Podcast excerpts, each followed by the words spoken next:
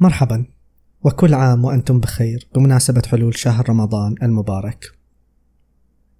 أود أن أتقدم بجزيل الشكر للصديق حسين إسماعيل لأن أولا سبق وأن ذكر بودكاست الكنبة الصفراء في إحدى حلقاته السابقة ورشح البودكاست لمستمعين بودكاسته بودكاست كتبيولوجي وهو بودكاست أرشح الجميع أن يذهب ويستمع لجميع الحلقات اللي يقدمها حسين إسماعيل في بودكاست كتبيولوجي بودكاست كتبيولوجي بودكاست مهتم بكل ما يخص القراءة والكتب بطرح جديد وأصيل.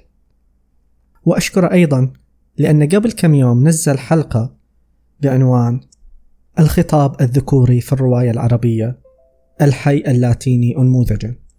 وهذه الحلقة حمستني أني أتجاوز كسلي وأقوم أسجل حلقة لأنها أثارت كثير من التساؤلات عندي وحرضتني على كتابة تعليق أو ملاحظات على ما ذكر حسين في هذه الحلقة.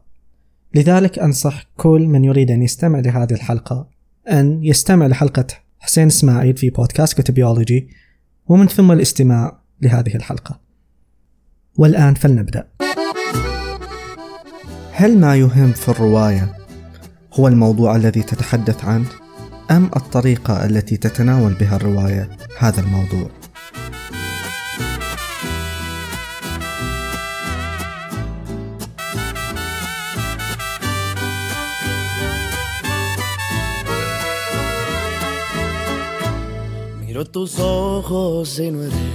أنا حسين الضوء وهنا الكنبة الصفراء. موضوع المحتوى والشكل في الرواية هو موضوع متجدد دائما والسبب في ذلك هو أننا ندور في حقل معرفي على قدر عالي من السيولة وهو حقل النقد الأدبي وخصوصا في فن حديث نسبيا وهو الرواية. تكلمت في حلقات سابقة حول المحتوى والشكل بشكل مختصر ربما. في الحلقة الأولى تكلمت عن لماذا يجب أن نقرأ روايات. وبشكل أطول قليلا تكلمت حول الموضوع نفسه في الحلقة اللي تكلمت فيها عن المدارس النقدية وتحديدا المدرسة الشكلانية والنقد الجديد والبنيوية. لو حاولنا نشرح معنى المحتوى content والشكل اللي هو form الموجودين في الرواية راح نقول إن المحتوى وهو القسم الأسهل في الرواية راح نعرفه بكل بساطة على أنه الموضوع الذي تتناوله الرواية.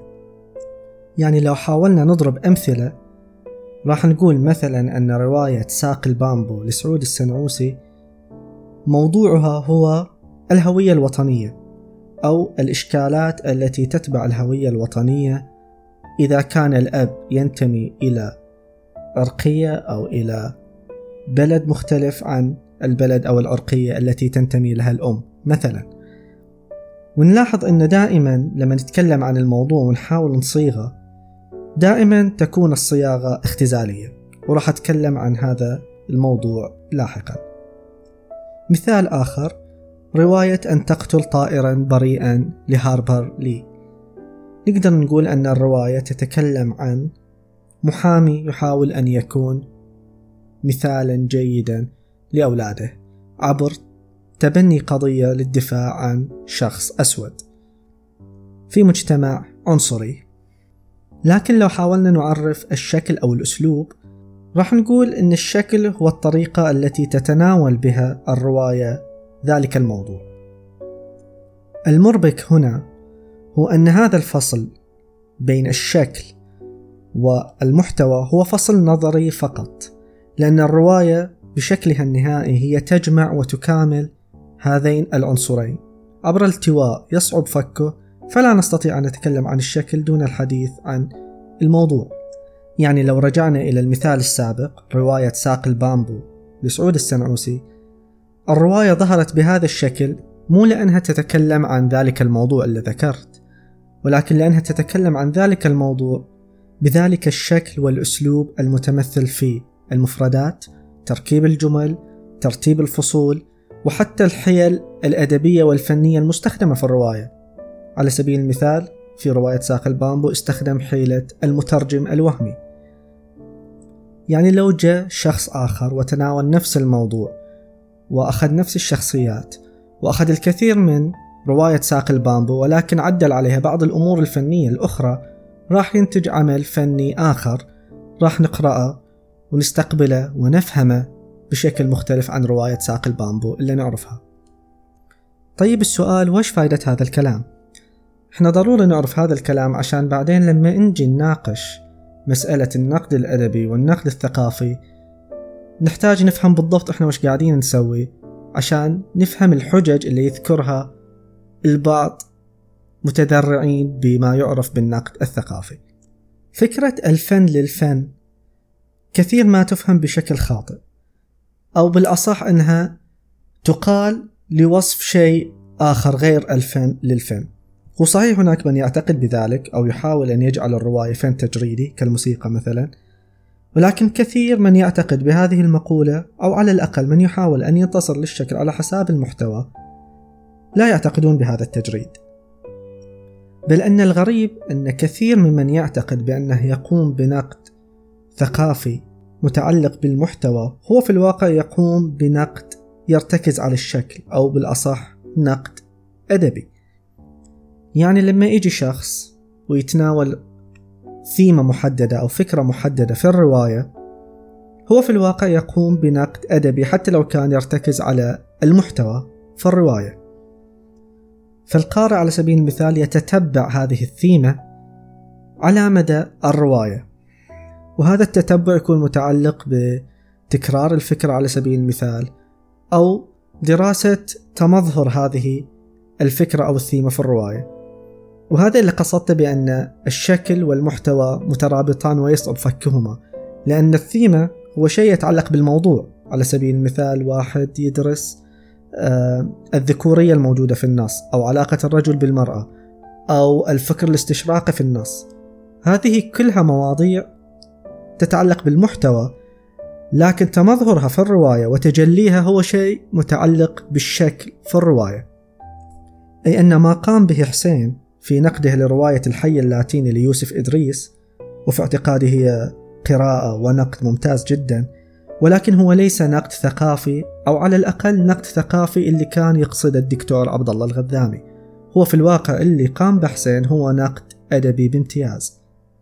لأن حسين تتبع الذكورية الموجودة في النص عبر الحوارات الموجودة بين الشخصيات الجمل اللي ذكرت بعض المشاهد بعض التوصيفات وهذه كلها أمور تتعلق بالشكل حول موضوع أو محتوى معين.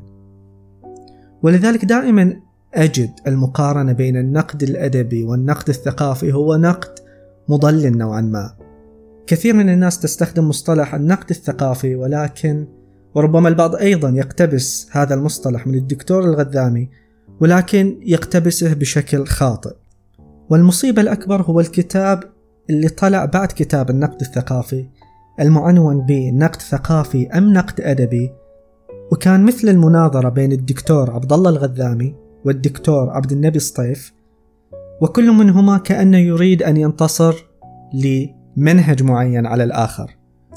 لا أحد يعتقد بأن النقد الأدبي هو يدرس جماليات جماليات أيضا هي من الكلمات التي دائما تستخدم بشكل نوعا ما غير واضح.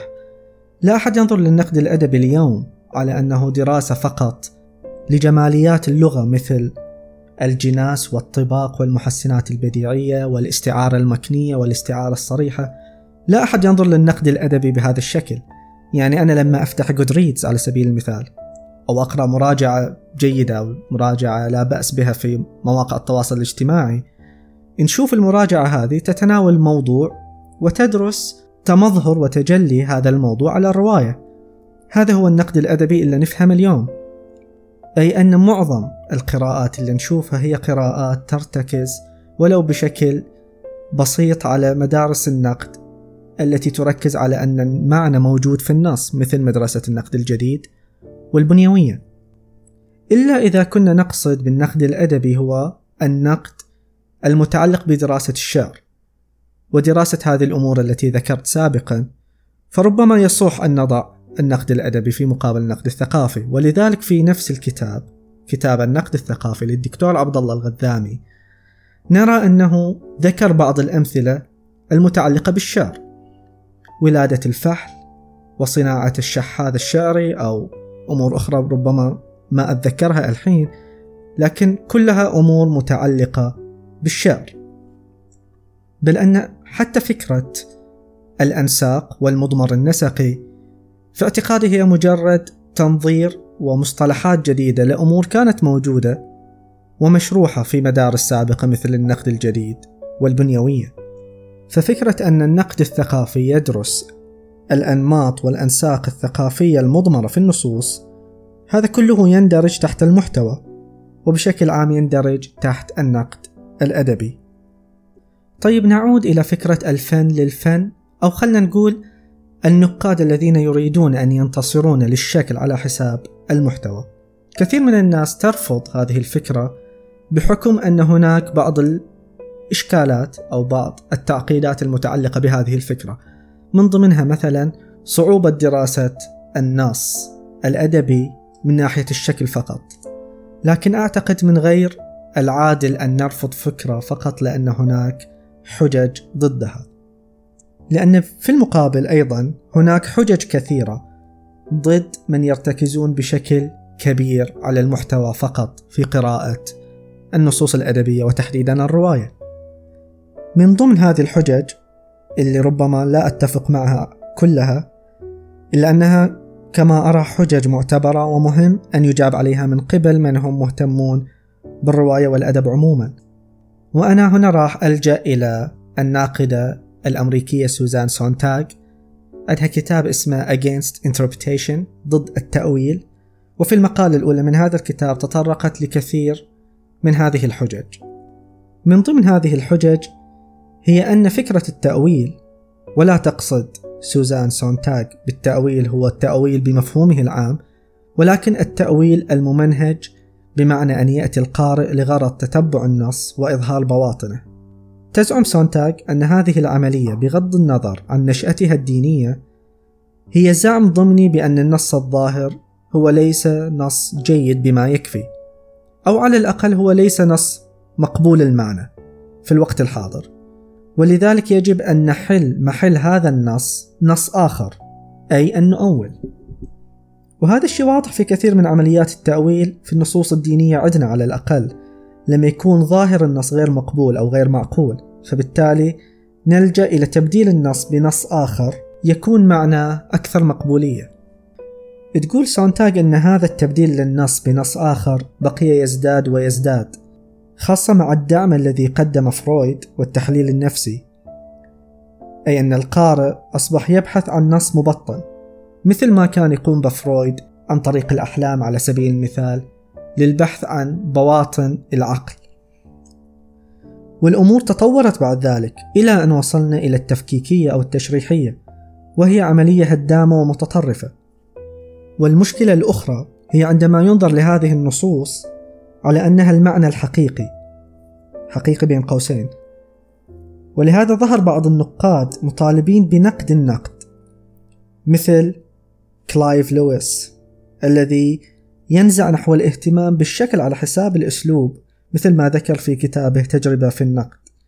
وسبق أن تكلمت عن هذا الكتاب وكتبت مراجعة عنه راح أحطها في وصف الحلقة. أنا هنا لست بصدد دعم هذه الحجة أو رفضها لكن أعتقد أنها جديرة بالبحث وقد ينتج عن ذلك إعطاء الشكل أو الأسلوب الروائي جزء من حقه. أيضا من الحجج التي تطرح ضد التأويل هي تدمير النص بالتأويل. بمعنى أن التأويل يختزل النص بالضرورة على المحتوى أو حتى جزء منه. وهذا اللي قصدته لما تكلمت عن رواية ساق البامبو وقلت أنها رواية عن الهوية الوطنية. أنا قمت باختزال جزء كبير من الرواية في هذا الموضوع. هذا الاختزال نشوفه في مدرسة النقد الجديد لما قالت أن الناقد يستطيع أن ينظر أو ينقد النص من خلال موضوع. مثل ما عمل حسين في رواية الحي اللاتيني لما نظر لعلاقة الرجل بالمرأة ومدى اتساق هذه الفكرة أو اليونيتي الوحدة لهذه الفكرة وتكررها على مدى النص. وهذه عملية مشروعة في نظري من الناحية المعرفية والنقدية وأعتقد أنها تثري النص. ولكن الإشكال المطروح هو أن التركيز والاهتمام بالمحتوى فقط في كل القراءات النقدية لرواية ما راح يدمر جزء كبير منها. بمعنى آخر راح يقتل أدبيتها. بمعنى أدق إن الفكر والعقل راح ينتصر على الأسلوب والجمال. والمقصود بالجمال هنا مو بالضرورة الشيء الجميل. الجمال هنا نقدر نقول عنه طيف أو سبكتروم يعني. الطرف الأول فيه هو الجمال أو ما هو جميل والطرف الآخر ما هو قبيح. فبالتالي الجماليات والقبحيات هي الأسلوب الذي يتناول الموضوع أي اللغة اللي تخلينا نستقبل العمل من الناحية المشاعرية. أو بمعنى آخر اللغة الغريبة اللي ما تشبه اللغة اليومية واللي تولد مشاعر أيا كانت هذه المشاعر في داخلنا. هناك مثال واضح على روائي دمرت نصوصه بالتأويل وهو فرانس كافكا صاحب رواية المسخ أو التحول والقلعة والمحاكمة. فرانس كافكا رواياته تجيش النقاد عليها. عندنا نوع من النقاد مهتمين بالدراسات الثقافية فأولوا جميع أعمال كافكا وربطوها بالبيروقراطية والإحباط المصاحب لها. والنوع الثاني من النقاد هم أصحاب التحليل النفسي اللي ربطوا كل أعمال كافكا بحياته الشخصية وخوفه من أبوه والإحساس بالعجز أمامه. فبالتالي كل أعمال كافكا أصبحت تحليلات حول الموضوع ولا أحد يتكلم عن الأسلوب أو الشكل الروائي لهذه الروايات. هناك أيضا مثال واضح آخر على عجز النقاد في تناول الأعمال الأدبية لما تخلو من الموضوع وهو المسرحي أو الروائي سامويل بيكيت. كثير من القراء يشوفوا نفسهم عاجزين عن التعليق على مسرحياته على الرغم من وجود أسلوب أدبي نوعا ما بسيط من ناحية الشكل وهو التكرار. بمعنى هناك ما يسمى بالإنجليزية موتيف أو يعني نقدر نشرحها بالصورة أو الجملة المتكررة ضمن نمط معين. إحنا لما نشوف مسرحية في انتظار جودو على سبيل المثال نشوف إن هناك حوار صعب إن إحنا نعرف معناه أو نعرف الموضوع اللي يدور حوله لكن خلال المسرحية بعد كل فترة نشوفهم إنهم يكرروا شيء محدد إن إحنا ننتظر جودو. يدخلوا في حوار ثم يرجعوا عند الشجرة ويقولوا ليش إحنا قاعدين هني؟ أو ليش؟ أو وش قاعدين نسوي؟ فالاخر يقول إن إحنا قاعدين ننتظر جودو. هذا الشيء أيضا موجود في مسرحية أخرى لبيكيت اسمها نهاية اللعبة. ولكن الموتف في هذه المسرحية هي عندما يحاول أحد الشخصيات أن يغادر ولكن كل مرة يرى نفسه عاجز عن المغادرة ويبقى ويدخل في حوار آخر. هذه فقط خاصية واحدة من خصائص بيكيت في مسرحياته المتعلقة بالأسلوب والشكل وهي التكرار والموتف لكن كثير من النقاد بسبب اهتمامهم بالمحتوى فقط يعجزون حتى عن الانتباه إلى أساليب وأشكال فنية بسيطة مثل هذه. النقاط اللي راح أتطرق لها الآن هي عبارة عن ملاحظات على بعض ما ذكر حسين في الحلقة الأخيرة من بودكاست كتبيولوجي من هذه النقاط هي أن الرواية عمل أدبي فني جمالي وهل هناك شيء غير الأدبية في الرواية؟ وهل لنا أن نقوم بدراسات ثقافية وتاريخية على الرواية؟ طبعا الإجابة هي نعم الكل أتوقع متفق عليها ولكن أجد عبارات مثل تكريس عبارات إشكالية وكأن الرواية لها قصدية وظيفية مسبقة. وهذا في اعتقادي غير صحيح لأن ما نقوم به هو بحث عن أنساق ثقافية في الغالب مضمرة. يعني ربما لو كانت الرواية مكتوبة بشكل وعظي أو فيها هجوم صريح على فئة معينة أو إنها مؤدلجة مثل روايات ترك الحمل مثلا أو رواية أو ثلاثية على الأقل ثلاثية أطياف الأزقة المهجورة. ربما صح مثل هذا القول. لكن بالطريقة اللي ننقد فيها هذه الأعمال أرى أنها نتاج لثقافة موجودة ولو كانت غير ظاهرة على السطح. يعني أشوف أن أصح أن نقول إن هذا النص ناتج عن ثقافة كانت موجودة ذكورية. أصح من أن نقول أن الرواية تكرس الذكورية. هناك أيضا نقطة أخرى حول من اللي يقول لنا أن هذا النص أدبي بليغ. باعتقادي هذا الإشكال ناتج عن تعريف النقد الأدبي بأنه عملية معرفة النصوص الجيدة من النصوص الرديئة. وهذا التعريف في نظري غير جيد صراحة. وأيضا هذا التعريف فهم بشكل نوعا ما خاطئ. لأن ما فهم من هذا التعريف هو أن هناك فئة نستطيع أن نطلق عليها نقاد بحكم الاختصاص فقط. وهذه الفئة هي اللي تقول لنا النصوص الجيدة من الرديئة. بينما لو رجعنا لفكرة قديمة وجوهرية وجدنا أن هذه العملية غير صحية.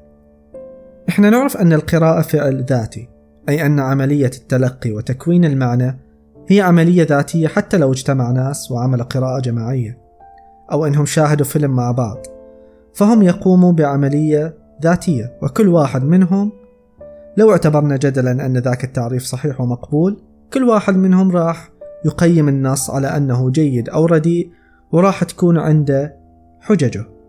الحجج هي الشيء المهم في هذه العملية. الحجج هي النقد في الواقع. هي الثمار اللي يستخدمها القارئ والمتلقي في المحاججة والنقاش. في المحاججة والنقاش مع الآخرين ومقارعة حججهم. أو الاتفاق معها. والنقاش اللي مو بالضرورة ينتهي بحكم قيمة هو العملية النقدية الصحية. نقطة أخيرة لأنني طولت في هذه الحلقة. وهذه النقطة تتعلق بأن كونديرا ينطلق من مركزية أوروبية في تعريفه أو تنظيره للرواية. ولا شك أن هذا الكلام صحيح وسبق أني تكلمت عنه في حلقة سابقة من حلقات البودكاست. ولكن للأمانة أنا ما أفهم الإشكالية المعرفية الناتجة عن هذا الشيء. يمكن حسين يقدر يتناول الموضوع أو يرد على هذه الفكرة ولكن بالنسبة لي ليس هناك إشكالية معرفية متعلقة أن متعلقة بمركزي المركزية الأوروبية للرواية. بل أن الدراسات الثقافية بالشكل اللي نعرفه إحنا اليوم هو ذات مركزية غربية وبالتحديد أمريكية. يعني لو أخذنا كلام تيري إيجلتون الناقد الإنجليزي في حديثه حول الدراسات الثقافية اليوم وعلاقتها بالماركسية بأنها كلاهما الماركسية والدراسات الثقافية تركز على الجماعات المهمشة.